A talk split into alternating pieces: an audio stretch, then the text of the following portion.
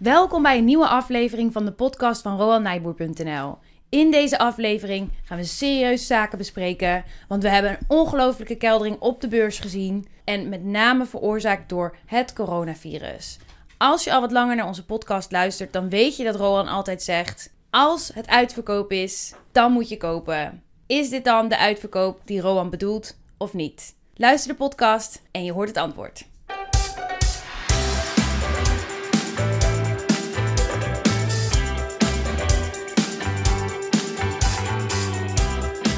Ja, leuk dat je luistert. Mijn naam is Barbara. En ik ben Rowan.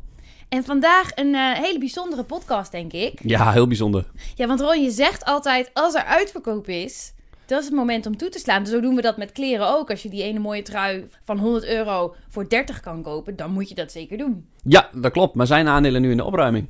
Ja, dat is dus mijn vraag aan jou. En ik denk dat eh, veel mensen die vraag hebben.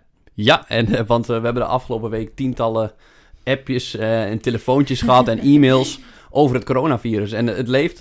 Ja, en dat verbaast me ook niks, want jij zegt altijd, als het laag staat, en je riep ook, het staat, het staat hoog, het staat hoog. En nu is daar dan een daling.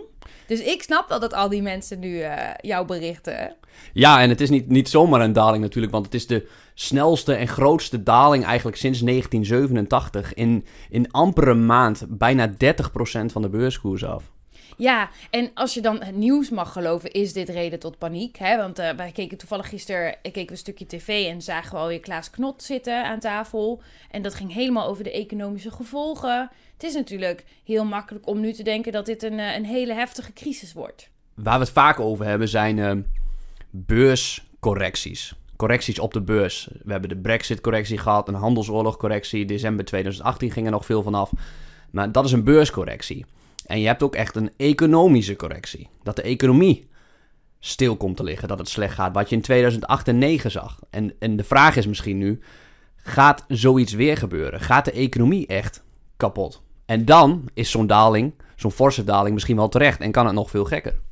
Dus normaal als jij het hebt over de uitverkoop van aandelen, dan heb jij het over een beurscorrectie. En als ik het goed begrijp, hoor ik je nu eigenlijk zeggen: let op, dit is misschien wel een economische correctie. Ja, en dan kan het terecht zijn dat aandelen dus zoveel dalen. Kun je dat misschien iets meer uitleggen? Ja, een beurscorrectie zoals we die nu zien. Bijvoorbeeld de AX is gedaald van 630 naar nu geloof ik 442. In, in, in een kleine maat dus bijna 30% eraf. Dus de prijs van aandelen, die is gedaald met 30%. Aandelen zijn 30% goedkoper. Maar heel veel van die aandelen, die bedrijven, die hebben het nu ook enorm lastig. Neem vliegtuigmaatschappijen, cruisemaatschappijen, autoproducenten die winsten van die bedrijven, die kelderen. Door enorme vraaguitval en van allerlei factoren. De economie is een beetje tot stilstand gekomen. En als dat lang aanhoudt, dan ja, gooit dat zo'n hele keten omver van bedrijven. Want in die zin uh, is de economie net als een file. Voor mensen die, die nog nooit in de file hebben gestaan. uh, de, de voorste gaat zachtjes op de rem. De voorste auto, en dat is dan zeg maar een bedrijf. En als je wat van achter komt, de achterste auto moet, moet vol op de rem. Kun je misschien een voorbeeld geven van hoe dit uh, file-effect zich dan voordoet in de bedrijven? Ja, nou aangezien we het over de files hebben, zal ik een voorbeeld geven in de autosector. Als consument kun je heel makkelijk de aanschaf van zo'n duur product uitstellen. Dus een autoproducent verkoopt minder. En die is onzeker, want die ziet minder geld binnenkomen en stelt zijn orders bij een toeleverancier uit.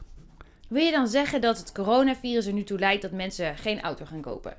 Ja, misschien nog niet direct, maar zulke effecten ga je, ga je, ga je het zien. Ja. Okay. ja. En die, dus die autoproducent stelt zijn orders bij de toeleverancier uit om, om maar geld te besparen. En die toeleverancier stelt weer zijn orders uit bij uiteindelijk de staalproducent. En zo zie je die hele keten in elkaar verweven zijn. En die staalproducent die dus achteraan de file staat, die heeft het extra zwaar, want al zijn klanten stellen orders uit. Dus die worden het hardst geraakt. Dus om even bij de auto-industrie te blijven, het is dan niet alleen die ene autofabrikant die bij die staalleverancier uiteindelijk minder afneemt. Maar het zijn ook al die andere autofabrikanten. En misschien dat die autofabrikanten maar een klein stukje minder vragen aan grondstoffen. Maar bij die staalfabrikant betekent dat een ja, een soort opgetelde som van al die autofabrikanten die minder vragen. Dat is dan het file-effect. Ja, dan krijg je, krijg je dus een soort van multiplier en moet je vol op de rem. Ik weet niet of mensen dit kunnen horen, maar op de achtergrond hoor je heel hard ons konijn in de hoek aan een stuk karton knagen. Ik weet niet of je dat er doorheen gaat horen of niet.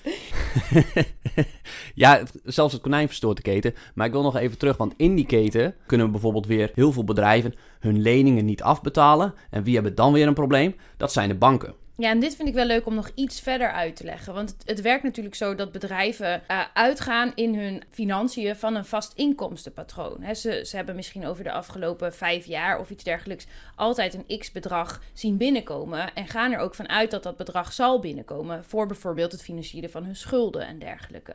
Ja, ik denk niet dat een financieel directeur van een groot bedrijf rekening had gehouden met een totale vraaguitval. Nee, en dan is er natuurlijk altijd wel, hè, bedrijven moeten een buffer. En zeker sinds de financiële crisis denk ik dat we ons allemaal wel bewuster ook zijn van het creëren van een buffer. Maar kan het zoiets opvangen? Dat is de vraag. Ja, nou, ik denk dat in de kern ons financiële systeem veel gezonder is dan in bijvoorbeeld 2008. En dat is ook een groot verschil met nu, denk ik. In 2008 lag de oorzaak van de financiële crisis in het financiële systeem. Banken zelf waren verrot. En nu is de oorzaak ja, het coronavirus extern. En daardoor krijgen banken en het financiële systeem het heel erg lastig. Er zit best wel veel stress nu in het systeem. Vandaar dat centrale banken ook heel erg ingrijpen nu. Maar die, die oorzaak van die crisis is heel anders en veel minder fundamenteel. En financiële crisis zelf, die zijn altijd veel erger. En als ze extern zijn, dan zijn ze vaak, op, althans op de lange termijn, de effecten minder erg. Ja, want bij die financiële crisis in 2008 zagen we dat de banken niet in staat waren om te financieren. En dat is nu anders. Hè? De banken hebben sinds die tijd gewerkt aan buffers en kunnen dus nu wel wat opvangen, wat klappen. Ja, die zijn in de kern veel gezonder en die mogen nu ook meer interen op die, iets, op die hogere buffers. Dus de kans dat jij als bedrijf nu komt en zegt: ja, het lukt nu niet door het coronavirus, dan is daar buffer. Daar is de ruimte met. Ja, de, de, de loketten van geld, die probeert de Europese Centrale Bank ook en de overheid ook steeds meer om die open te houden. Dus dat het toegang is tot geld. Dus bedrijven die op korte termijn zonder liquiditeit te komen te zitten en die wel een gezond businessmodel hebben, want dat is denk ik wel belangrijk, die kunnen lenen om die tijdelijke dip op te vangen. Ja, ik vond liquiditeiten, dat is nog wel leuk dat je dat zegt. Ik weet niet, sommige luisteraars zullen daar heel bekend mee zijn, misschien anderen wat minder. Eh, kun je heel kort uitleggen wat liquiditeit is?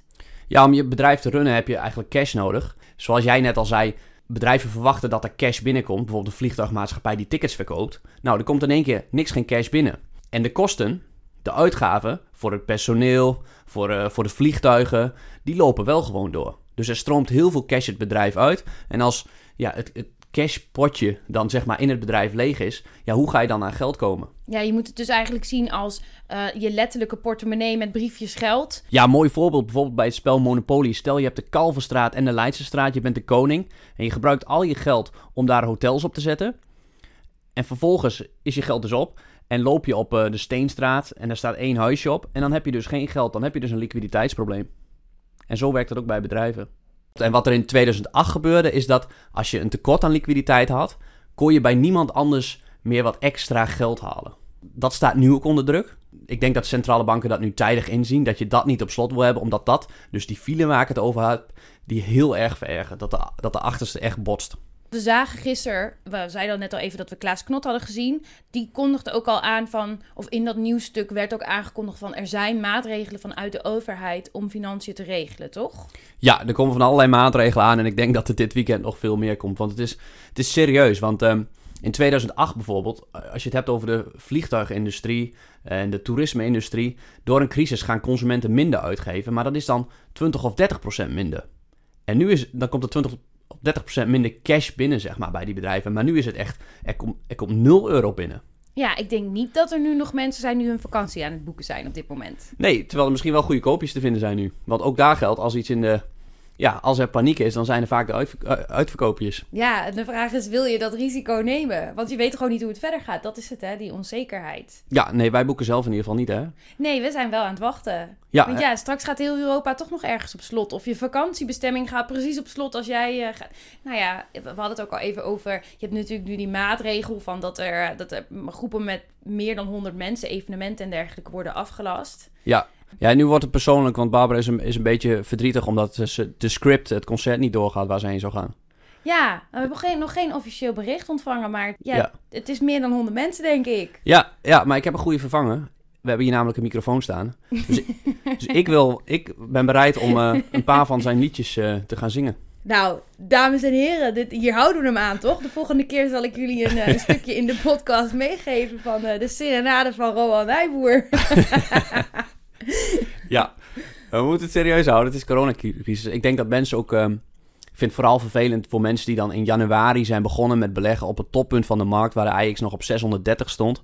En die dan nu tegen hun eerste verliezen aankijken, want die, die zullen met vragen zitten. Ja, en dat doet pijn natuurlijk. Dus misschien is de eerste vraag die het oproept van... "Huh, Moet ik er helemaal uitstappen? Moet ik alles nu verkopen? Ja, die vragen krijg ik veel, want dat is ook de natuurlijke reactie. Ik noem het al vaker. Vroeger als er een leeuw aankomt dan, en er is angst, er dreigt gevaar, dan is het verstandig om te vluchten. En nu op de aandelenmarkt, er is angst, paniek, dan is ons systeem ook zo dat je geneigd bent om te vluchten, in dit geval je aandelen te verkopen. En is dat ook wat slim is om te doen? Ja, dat is nog niet zo'n makkelijke vraag. Aan de ene kant, aandelen, en dat zeggen we al vaker, gaan op de lange termijn omhoog met gemiddeld 7% per jaar. Ook eh, de Spaanse griep, en het begin van de vorige eeuw, 10, 20 miljoen mensen overleden. Twee wereldoorlogen, aandelen gaan op de lange termijn gemiddeld met 7% omhoog. En die zijn de afgelopen jaren gewoon veel harder gestegen dan die 7% gemiddeld. Ja, dan is het ook logisch als aandelen en overgewaardeerd zijn en coronavirus dat er zo'n correctie komt. Maar als je belegt voor de lange termijn, dan zou ik niet verkopen. Dit komt vaak weer goed in ons kapitalistische systeem. Ik doe dan wel de aanname dat, dat, dat we als mens blijven voortbestaan en het kapitalistische systeem blijft bestaan. Aan de andere kant, als je belegt in individuele aandelen, bijvoorbeeld in de toerismesector, ik noem vliegmaatschappijen, cruisemaatschappijen, ja, dan kan het heel goed zaak zijn om misschien wel die aandelen te verkopen. En waarom is dat? Het is op de eerste plaats een sector met hele hoge vaste kosten. Vliegmaatschappijen met vliegtuigen, cruisemaatschappijen met cruiseschepen. Die kosten die lopen door. Hele hoge vaste kosten. En als er dan minder geld binnenkomt, zoals net besproken, dan loopt cash met bakken tegelijk het bedrijf uit. En bovendien, misschien zijn die cruiseschepen en vliegtuigen een stuk minder waard en moet je daarop afschrijven. En dan, ja, dan wordt het wat technischer, maar dan is het eigen vermogen misschien in één keer verdampt. En dat is van de aandeelhouders. En dan kan zo'n bedrijf zomaar failliet gaan. En dan ben je dus alles kwijt als aandeelhouder. En het is dan denk ik ook zaak om, als je wil vissen in die sector, want verschillende aandelen zijn daar gewoon met 80% gedaald in een maand, om dan de bedrijven eruit te kiezen, de, de sterke jongens van de klas. Dus bedrijven met weinig schulden. Bedrijven met veel schulden, ja, is het denk ik einde zaak, tenzij overheden natuurlijk ingrijpen wat ze zullen doen, maar misschien wel einde zaak voor de aandeelhouders. Ik hoor dus dat het eigenlijk heel risicovol is. Welk deel bedoel je Om risicovol? dan in te gaan investeren in die bedrijven waar hoge schulden zijn en waar eh, hoge vaste kosten zijn. Ja, dat zou, dat zou, dan moet je echt verstand hebben van, van de balans van een bedrijf. Hoe een bedrijf er financieel voor staat. En hoe sterk het bedrijf is. Het verdienmodel. Het percentage van de vaste kosten ten opzichte van de omzet.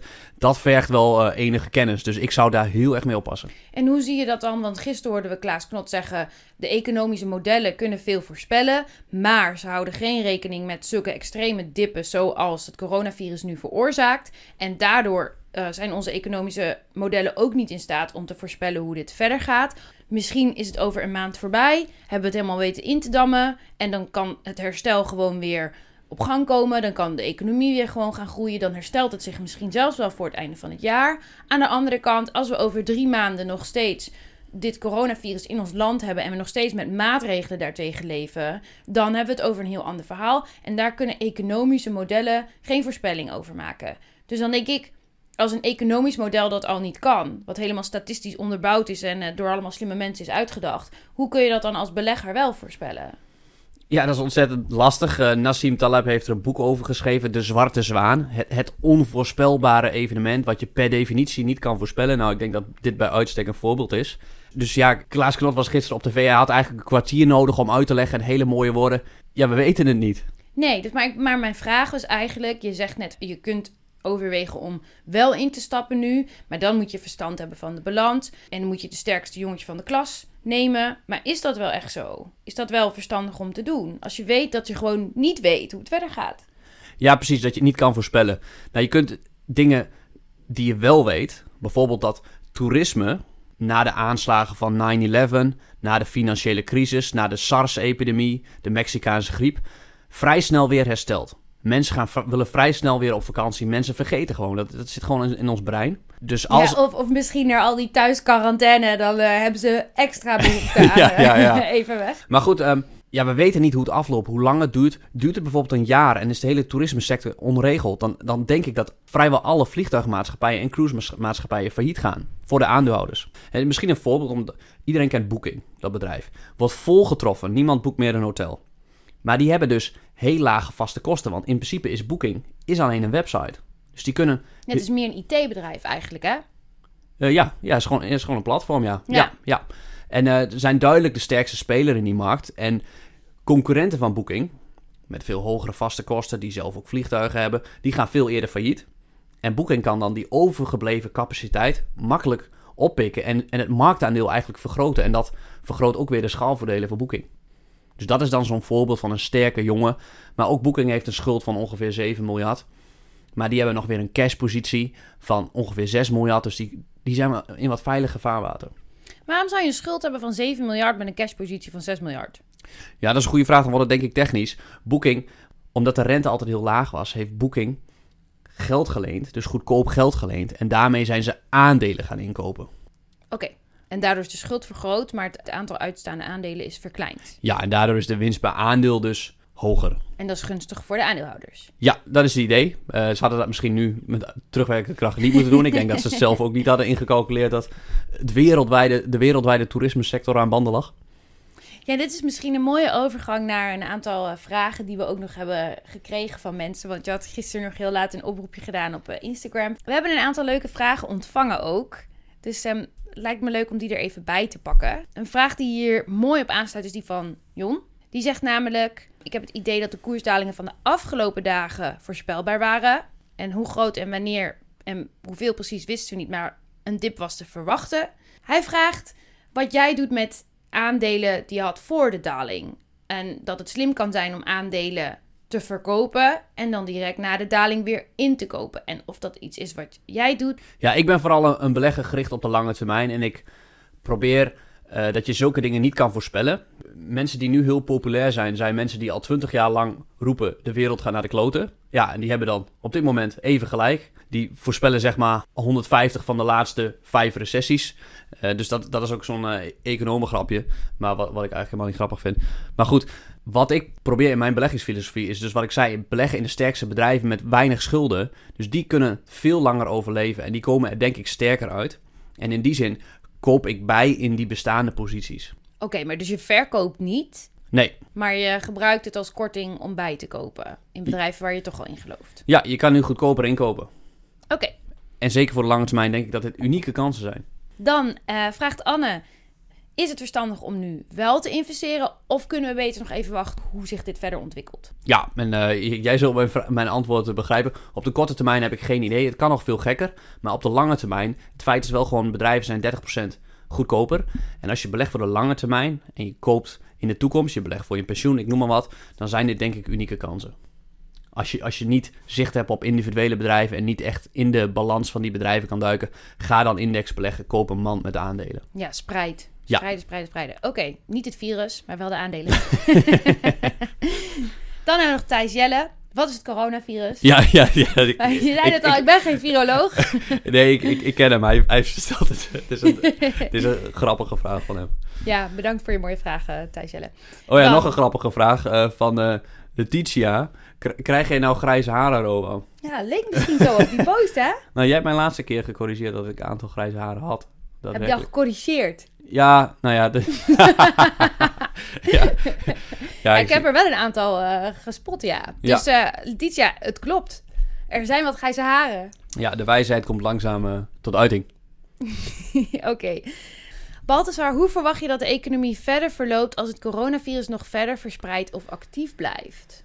Ja, zoals ik net zei, als het coronavirus nog een jaar lang doorsluimert, want ze willen het nu alleen natuurlijk vertragen. Ze hebben al geaccepteerd dat het niet meer te stoppen is eigenlijk.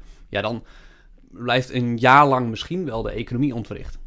Ja, want we hoorden heel mooi van wat ze willen voorkomen nu is dat er een piek ontstaat, waardoor in één keer iedereen getroffen wordt en ziekenhuizen het niet meer aankunnen. En als je dat kunt spreiden, dus dat iedereen, want zo gaat het ook met een gewone griep, dat wordt heel verspreid en daardoor is het heel goed te behandelen.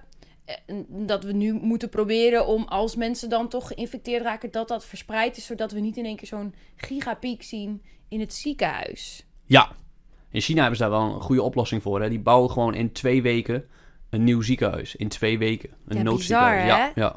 En jij zei ook eh, dat die artsen overal uit het land eh, toen naar die stad zijn gevlogen, Wuhan. Ja, ja. ja en om de vraag eh, af te ronden. Hoe langer dit blijft voordoen, hoe erger de economie een klap zal krijgen. En nu lees je op, eh, op hoor je in interviews, ja, we krijgen mogelijk een recessie. Nou, ik denk dat dat wel zeker is dat we een recessie ingaan. Oké, maar verder doe je niet aan paniek zaaien. Oh ja, geen stemmingmakerij. Misschien nog een lichtpuntje. In China, ik weet niet of ik het genoemd heb, het aantal eh, nieuwe gevallen is maar 10 vandaag. Volgens mij dat heb is ik dat heel genoemd. weinig. Heb ik dat genoemd? Ja, ik zou wel kunnen. Ja. En ehm, ik wil graag nog aanvullen de vraag van Batter. Ik vind het een hele mooie vraag. Zijn er ook sectoren waarvan jij nu denkt van... die zullen wel eens extra hard getroffen worden? Ja, bij uitstek de cruise-industrie. Daar zijn drie grote spelers actief. En met hele hoge vaste kosten. En die schepen varen gewoon niet. Ja, En wat er ook nog is, is dat heel veel schepen... die liggen nu nog op de werf. Die worden nu nog gebouwd. Die komen straks in de vaart. En die kunnen niet varen. zonder, zonder vraag. Ja, en die bedrijven kunnen heel snel failliet gaan. En met failliet eh, bedoel ik niet dat het cruiseleven ophoudt te bestaan. Maar dat betekent dat het de eigen vermogenverschaffers, de aandeelhouders, buitenspel worden gezet.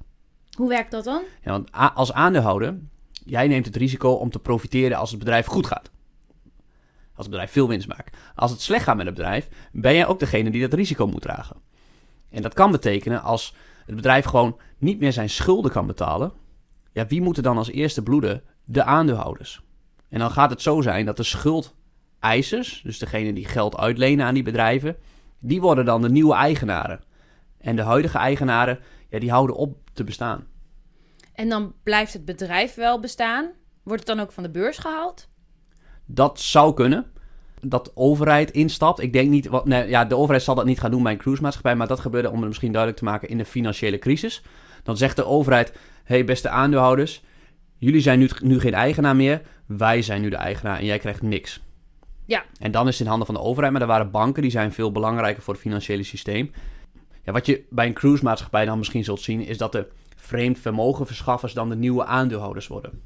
Oké, dan vindt de verschuiving plaats dan. Ja, want de schulden kunnen niet afgelost worden. Dan zeggen de vreemdvermogenschaffers, ja, hoe gaan jullie ons betalen?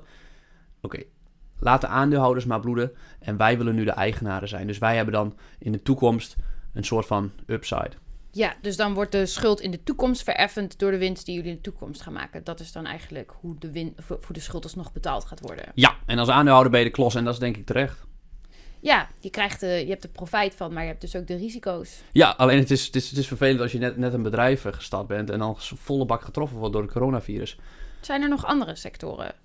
Banken krijgen het enorm lastig, want die krijgen een dubbele whammy, zoals ze dat noemen in beleggingstaal, van twee kanten. Eén, wat we net al zeiden, dat bedrijven hun leningen niet meer aflossen. Ja?